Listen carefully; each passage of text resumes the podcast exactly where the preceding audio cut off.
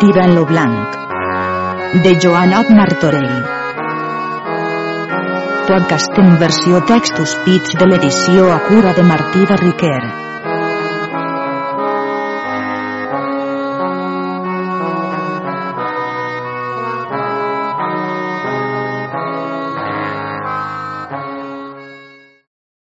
Episodi 1.3 Part primera, tirant a Anglaterra. Capítols del 28 al 39. Capítol 28. Com lo rei d'Anglaterra se casà amb la filla del rei de França, en les bodes foren fetes molt grans festes.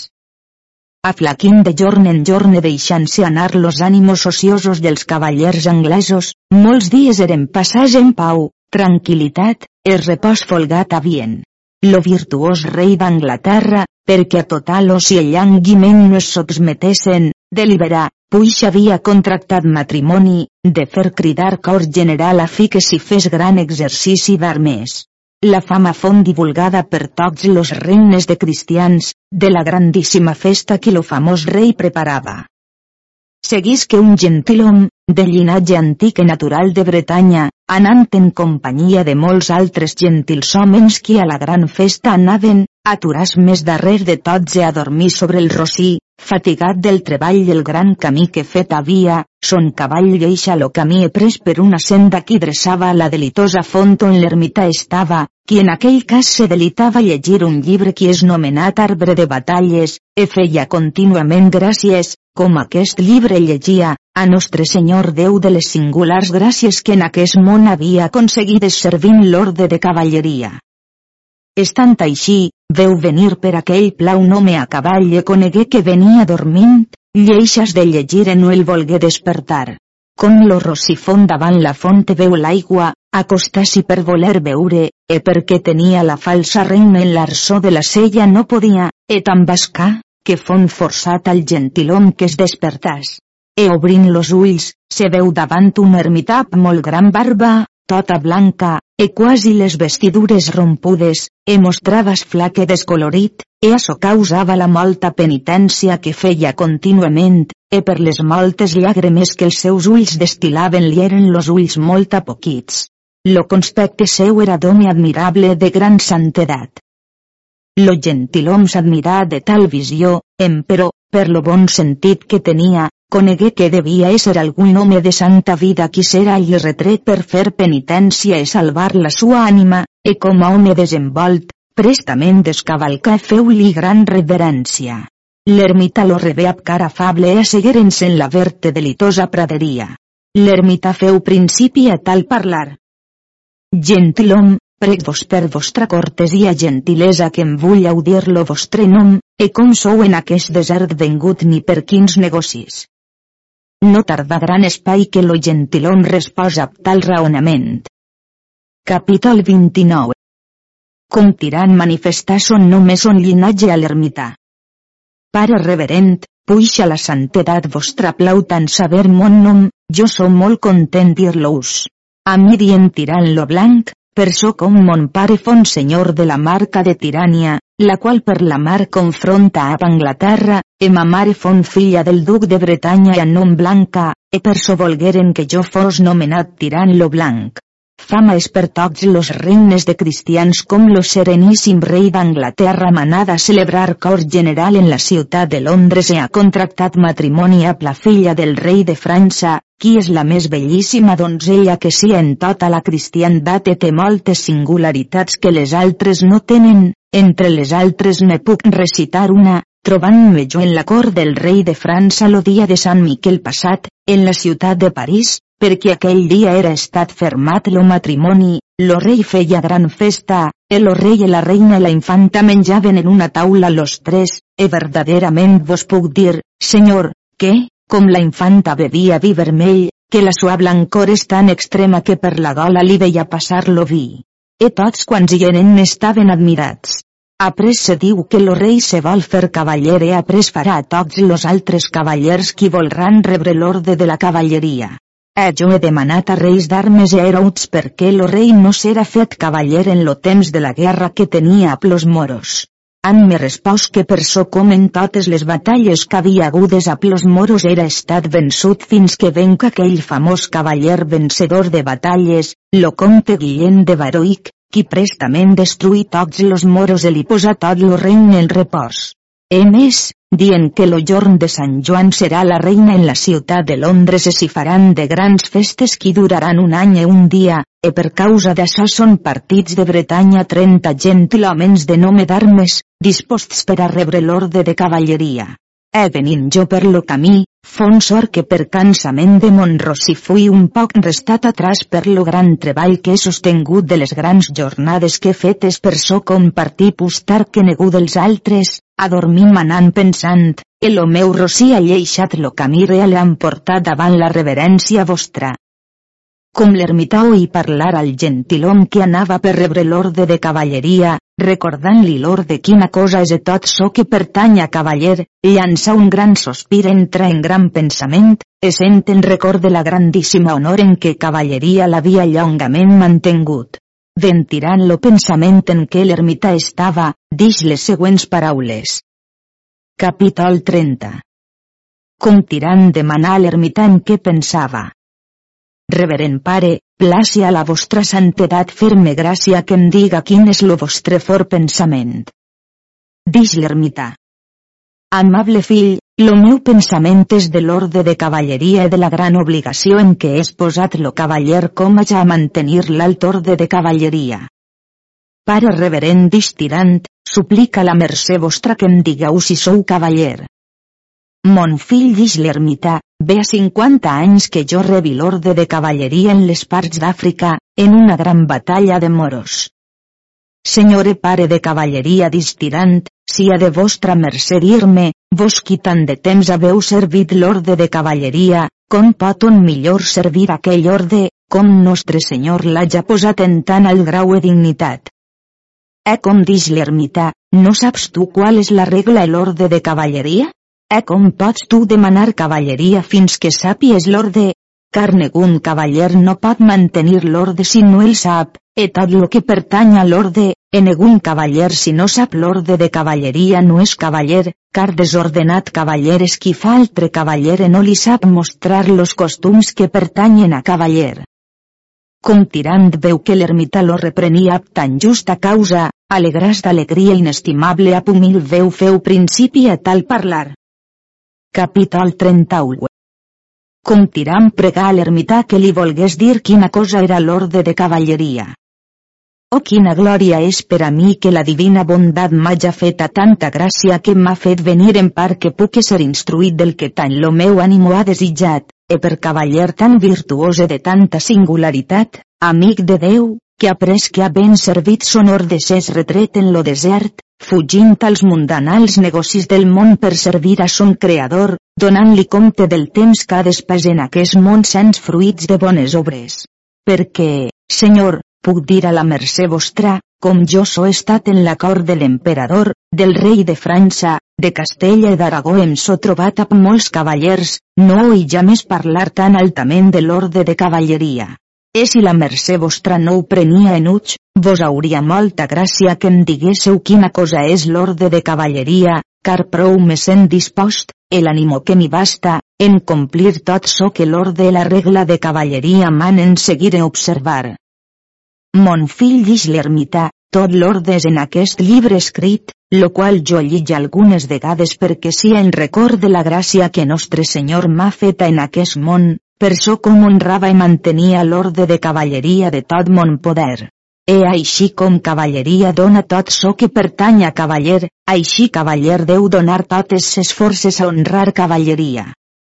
El ermità obrí lo llibre llegit davant tirant un capítol en què recitava com fon trobat l'orde de cavalleria ni per quina causa fon ordenat, segons se segueix. Capítol 32 com l'ermità llegí un capítol atirant, del llibre nomenat Arbre de Batalles. Fallint en lo món caritat, llealtat i veritat, comença mala voluntat, injúria i falsedat, e per so fon gran error entre lo poble de Déu, e gran confusió. E per so que Déu sia amat, conegut, honrat, servit i temut en lo món, en lo principi fon poc estimada justícia per defalliment de caritat, perquè fon necessària cosa i condescent que justícia fos tornada en sa honor i prosperitat? E per aquesta causa, de tot lo poble foren fets milenars, e de cascun milar fon elet un home més amable de més afabilitat, més savi, més lleal, més fort, e amb més noble ànimo, amb més virtuts e bones costumes que tots los altres. He après, feren cercar de totes les bèsties, qual seria més bella, més corrente que pogués sostenir major treball, e qual fos més convinent per a la servitud de l'home, e de totes, elegiren lo cavall e donaren-lo a l'home qui fon que l'he de mil homens su,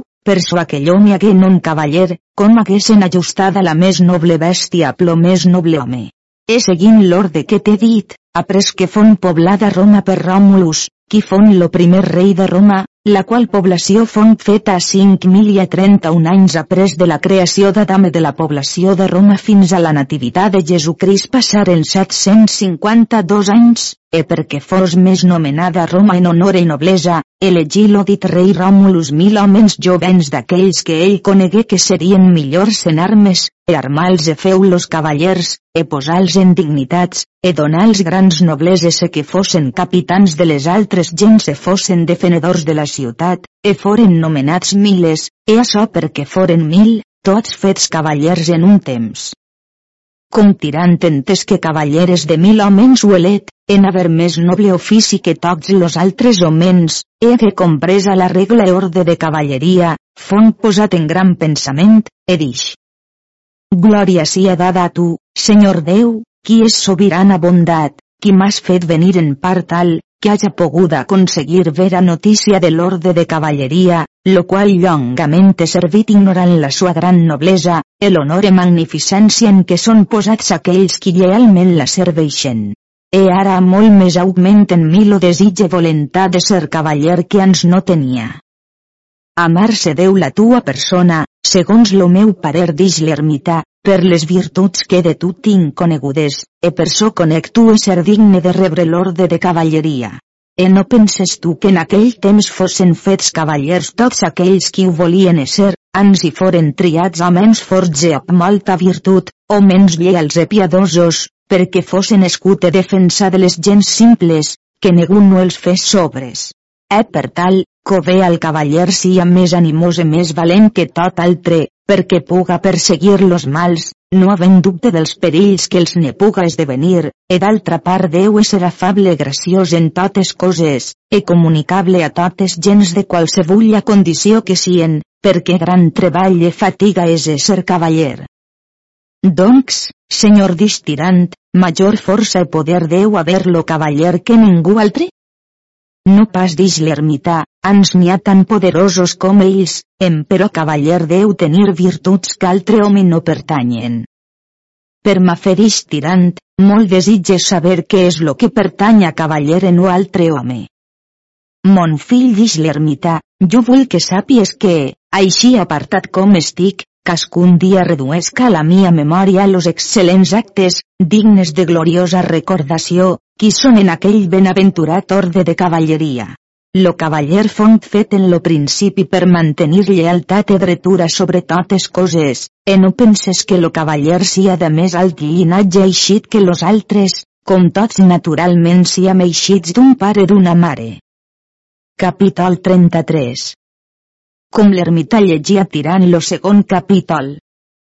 Primerament, fon fet cavaller per mantenir i defendre la Santa Mare Església dix l'ermità, e no deu retre mal per mal, ans deu ser humil i perdonar liberalment en aquells qui l'hauran damnificat, puix vinguen a sa mercè, perquè lo cavaller és tengut defendre l'Església, car altrament seria perduda i tornaria no res. E en lo principi del món, segons se llig en la Santa Escriptura, que no era home qui tingués tant atreviment de cavalcar en cavall, fins que foren fets cavallers per subjugar les males gens e foren trobades les armes, puix foren armats, se tingueren per segurs de tots aquells qui contrastar-los volien. E per so, mon fill, te diré les armes així ofensives com defensives que signifiquen, el valor d'aquelles.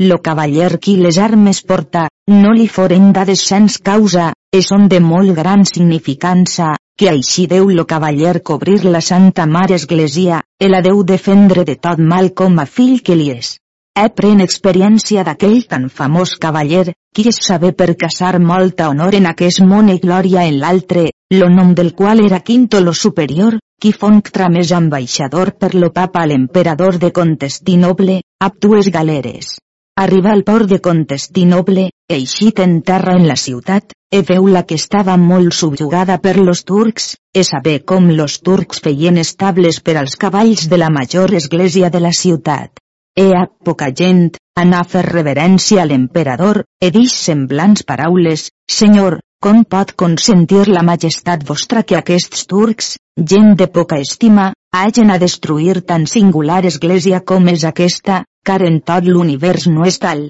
De que estic admirat com ho podeu consentir, car lo vostre cor deuria plorar gotes de sang, cavaller dix l'emperador, a mi no és forçat que puga fer més del possible, car ells són tanta multitud de gent, que tenen quasi tota la ciutat per suar, entren per les cases e fan de les dones e donzelles tot lo que volen, e si ningú los diu res, prestament són morts o presos. Eh per aquesta causa, jo tots quan som, havem a comportar encara que no vullam, o gent de poc ànimo dix lo cavaller, e per temor de morir vos haveu així lleixat senyorejar? Tothom s'arme deixau fer a mi, cavaller dix l'emperador, prec-vos per vostra gentilesa, que no vullau fer novitat neguna, car si ho fèieu seria llançat de tota la senyoria de l'imperi, car més ame estar en aquesta subjugació a tots los meus, que no ser desposseït de tot, dix quinto, o gent de poc ànimo i de poca fe. Demostrau ser mals cristians, que no confiau de l'adjutori divinal. Ara jo fas vot a Déu que lo primer qui parlarà, jo li daré a aquesta mia tallant espasa un tal colp, que los crits sentiran los qui estan dins l'església, l'emperador, com lo veu parlar amb tanta fúria, no gosà més parlar, el cavaller se n'anà, he pres aquella poca gent que tenia de les galeres, entra dins l'església pànimo molt esforçat, agenollàs davant l'altar de la Mare de Déu, Senyora nostra, e feu aquí oració. Estant en l'oració, veu venir molts turcs qui anaven per desfer l'altar major, llevaix cuitadament de demanar qual d'ells era lo capità. Fon-li mostrat que anava per l'església fent fer cambres estables i altres vils coses. Digues, capità de mala gent dix lo cavaller, perquè fas tanta deshonor a la nostra església, qui és casa de Déu?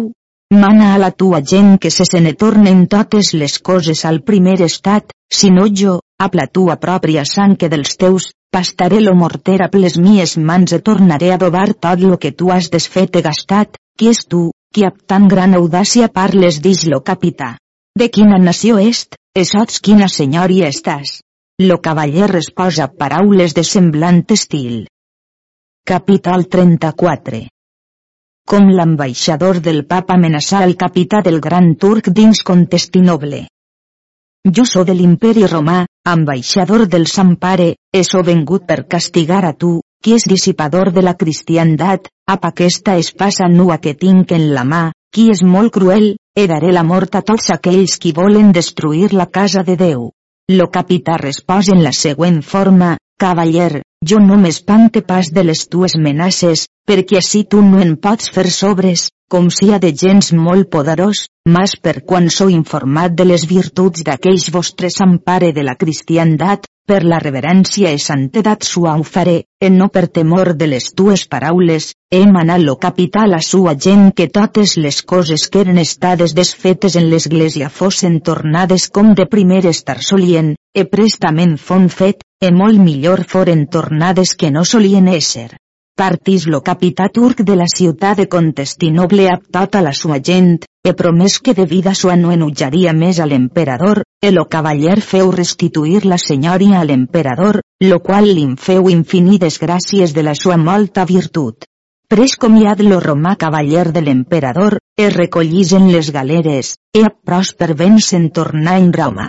Lo sant pare, sabent que lo seu ambaixador venia a bon compliment de tot lo per què era anat, feu eixir tots los cardenals e bisbes amb molta cavalleria per rebre'l, e amb gran triomf lo portaren davant lo papa, lo qual lo rebe amb molt amor e benignitat, e donar-li en premi de sos treballs dels seus tresors, que ell e tots los seus ne foren rics. He après la sua mort, li fon feta grandíssima honor, e lo seu cos fon soterrat en l'església de Sant Joan de Lletra, al peu de l'altar, amb molta solemnitat. Mira, mon fill, aquest cavaller quanta honor adquirí per ésser virtuós. He dir-te que significa la cuirassa que porta lo cavaller que li guarda tot lo cos. Significa l'església, que deu ser tota closa i murada de la defensió del cavaller, qui deu anar contra totes les gens per defendre-la. E així com l'elma d'estar en lo més alt lloc del cos, així deu estar més alt l'ànimo per emparar i mantenir lo poble,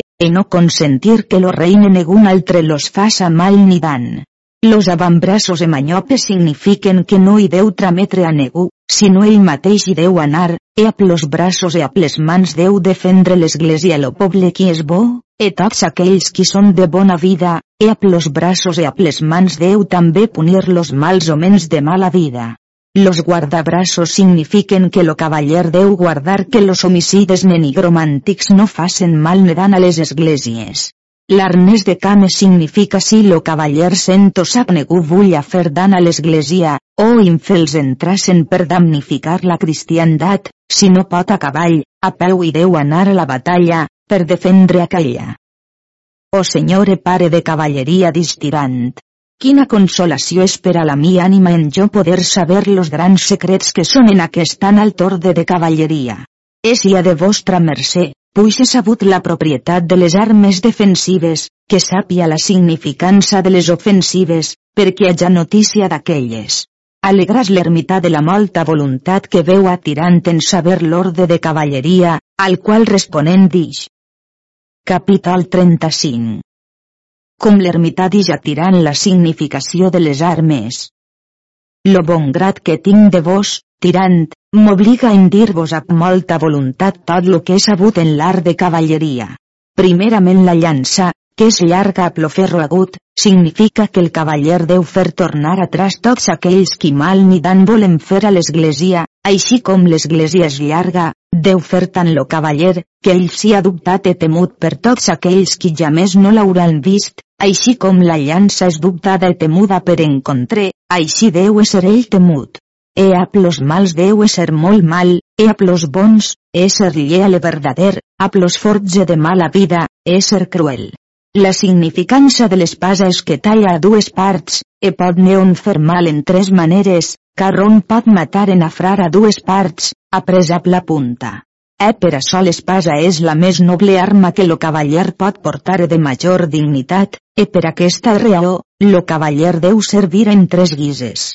La primera defensant l'església, matant i malmetent totes les gens qui mal volen fer en aquella. E així com la punta de l'espasa forada tot lo que aconsegueix, així lo bon cavaller deu foradar i aconseguir a tots aquells qui mal volen fer a la cristiandat ni a l'església, no havent-los pietat ni mercè alguna, ans a l'espasa los deu ferir a totes parts. La corretja de l'espasa significa com lo cavaller les cinc per mig del cos, així deu ser senyit de castedat. Lo pom de l'espasa significa lo món, per so lo cavaller és obligat a defendre la república. La cruera significa la vera creu, en la qual lo nostre Redemptor volgué prendre mort de passió per rembre natura humana. Així ho deu fer cascun bon cavaller, deu prendre mort per restauració i conservació de tot lo de sus dit, e si per això moria, s'aniria la sua ànima dret en paradís. Lo cavall significa lo poble, lo qual lo cavaller deu mantenir en pau en verdadera justícia,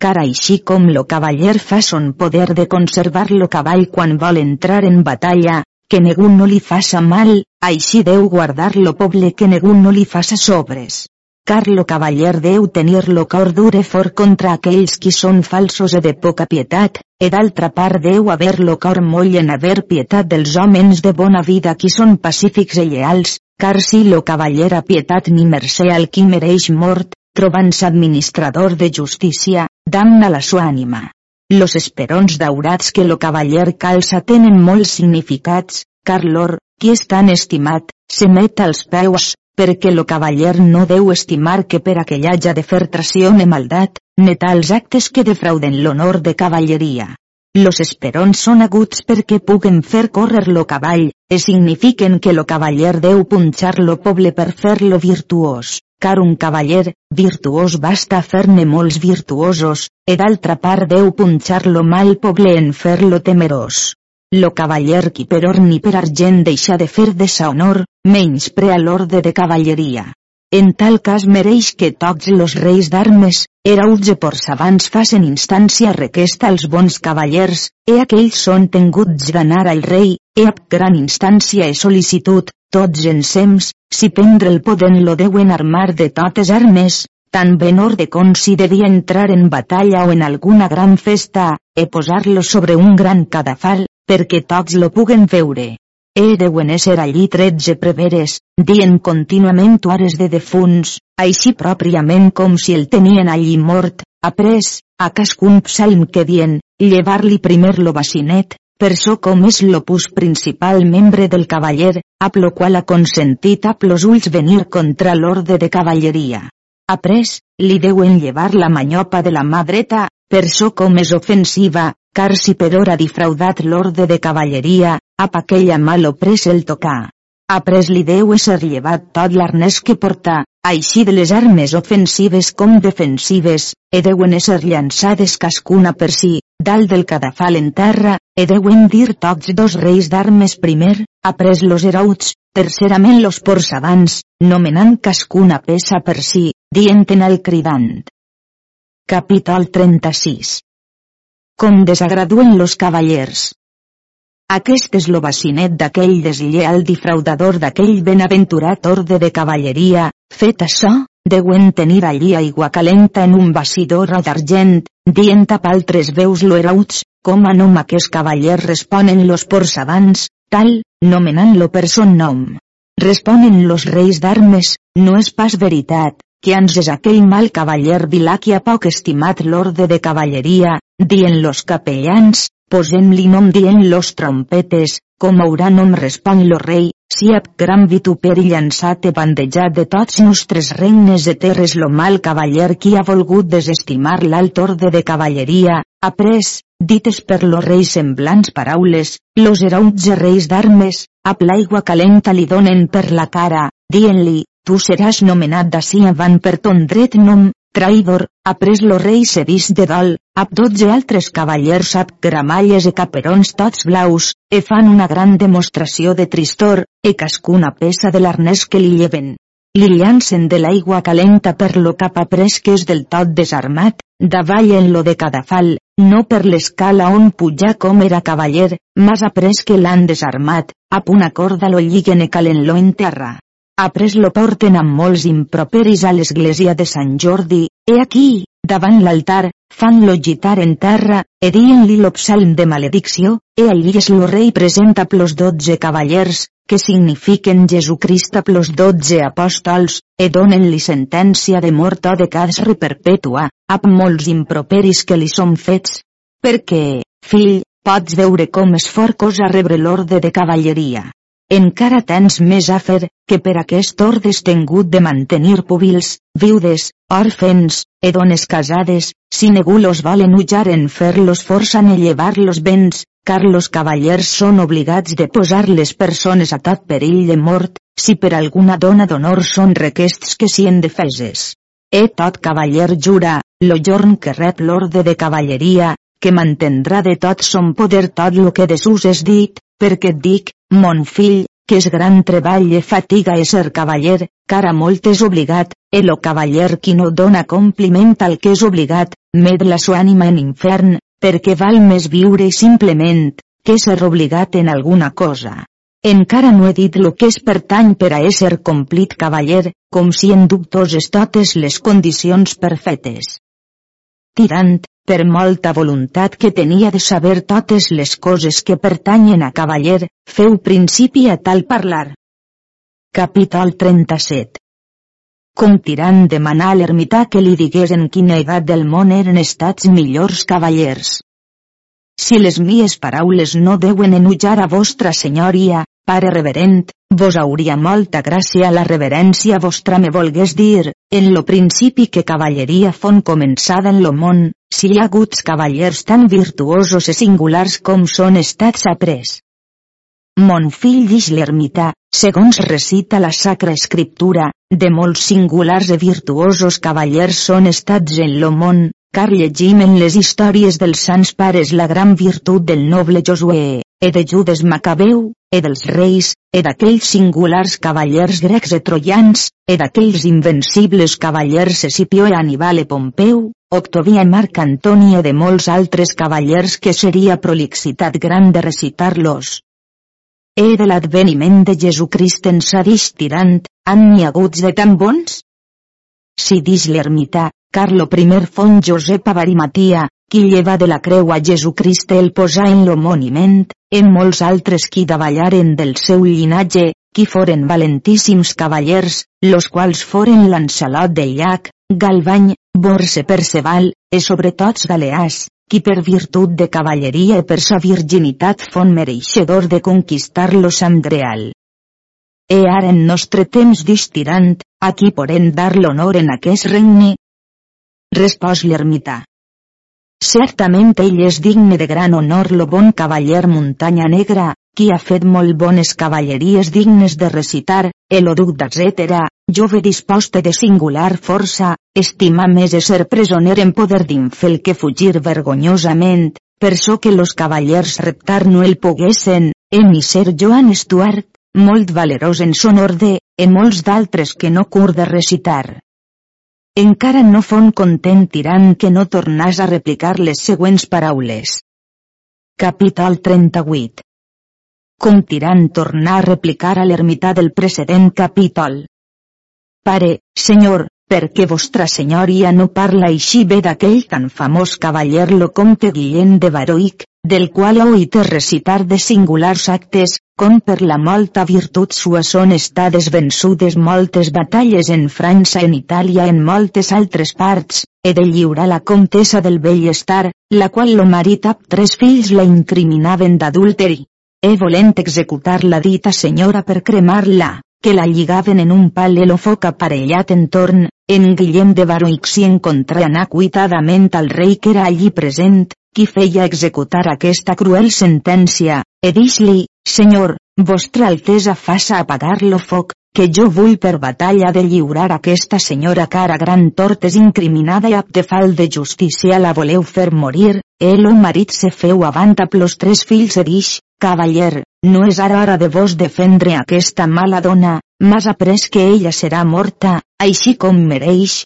jo us respondré a operar-mes-ho en la manera que volreu. Dix lo rei, lo comte diu molt bé, com en Guillem de Baruïc veu tanta inhumanitat del rei i del marit i fills. Tira l'espasa i dona al marit tan gran colp al cap que mor lo més per terra. Après cuita de vers lo rei e d'un colp li lleva lo cap, e cuita per los fills se feu-me morir los dos e l'altre fugir que no el pogué aconseguir, en moltes gens per l'amor del rei eren contra ell, e lo valerós cavaller feu tant abson esforçat ànimo que entra dins lo cercol del foc que li havien fet en torne tallar la cadena que la comtessa lligada estava. Com los parents de la comtessa veren lo gran esforç del cavaller que l'havia alliberada de mort, molts anaren en sa ajuda per vella força la tragueren de mig de la gent la s'emportaren en un monestir de monges, on estigué allí molt honradament. E ans que partís d'allí, lo comte de Baruic la feu tornar dins la ciutat a la comtessa a voluntat de tot lo poble, el de restituir en tot lo comdat. E partint-se de la ciutat lo valerós comte de Baroic, anant per son camí, se diu que trobà un gran lleó qui s'emportava una criatura, e per la molta gent qui el seguien no es gosava aturar per menjar-la. Com en Guillem de Baroic se veu davant lo lleó a l'infant xic que portava, davallà del cavall molt prest de tirar l'espasa. Lo lleó, qui el veu que venia de vers ell, lleixa la criatura i anar de vers ell, de que molts volen dir que entre los dos hagué una brava batalla, que es vengueren a abraçar, e a des era la alta des l'altre baix, es feren moltes nafres. A la fi lo comte sobra de força lo lleó matal, e pres la criatura en los braços, que encara mamava, e lo cavall per la reina, e anà a peu de vers la ciutat, que tan nafrat estava que no podia cavalcar. E així caminant trobar la mare amb molta gent qui venia seguint lo lleó erretels l'infant. E ara poc temps a que los moros havien conquistada la major part d'Anglaterra, on lo rei fon deposat, e per ell ser tan virtuós cavaller alçaren lo rei e combatés cos per cos a lo rei moro e vencele matal dins lo camp. Apresa la sua victoriosa mà feu morir infinida morisma, no volent ne prendre negu a mercè, e per la sua molta virtut tragué de captivitat a tots los cristians de l'illa d'Anglaterra i restituïa al primer rei la corona la senyoria del regne. Moltes altres honors que s'ha sabudes per casar, les quals lo dia no em bastaria per a recitar-les. L'ermità, per no fer demostració que ell fos aquell, feu principi a tal parlar. Capítol 39 Com tirant-se partí de l'ermità, content de les bones doctrines que li havia dades.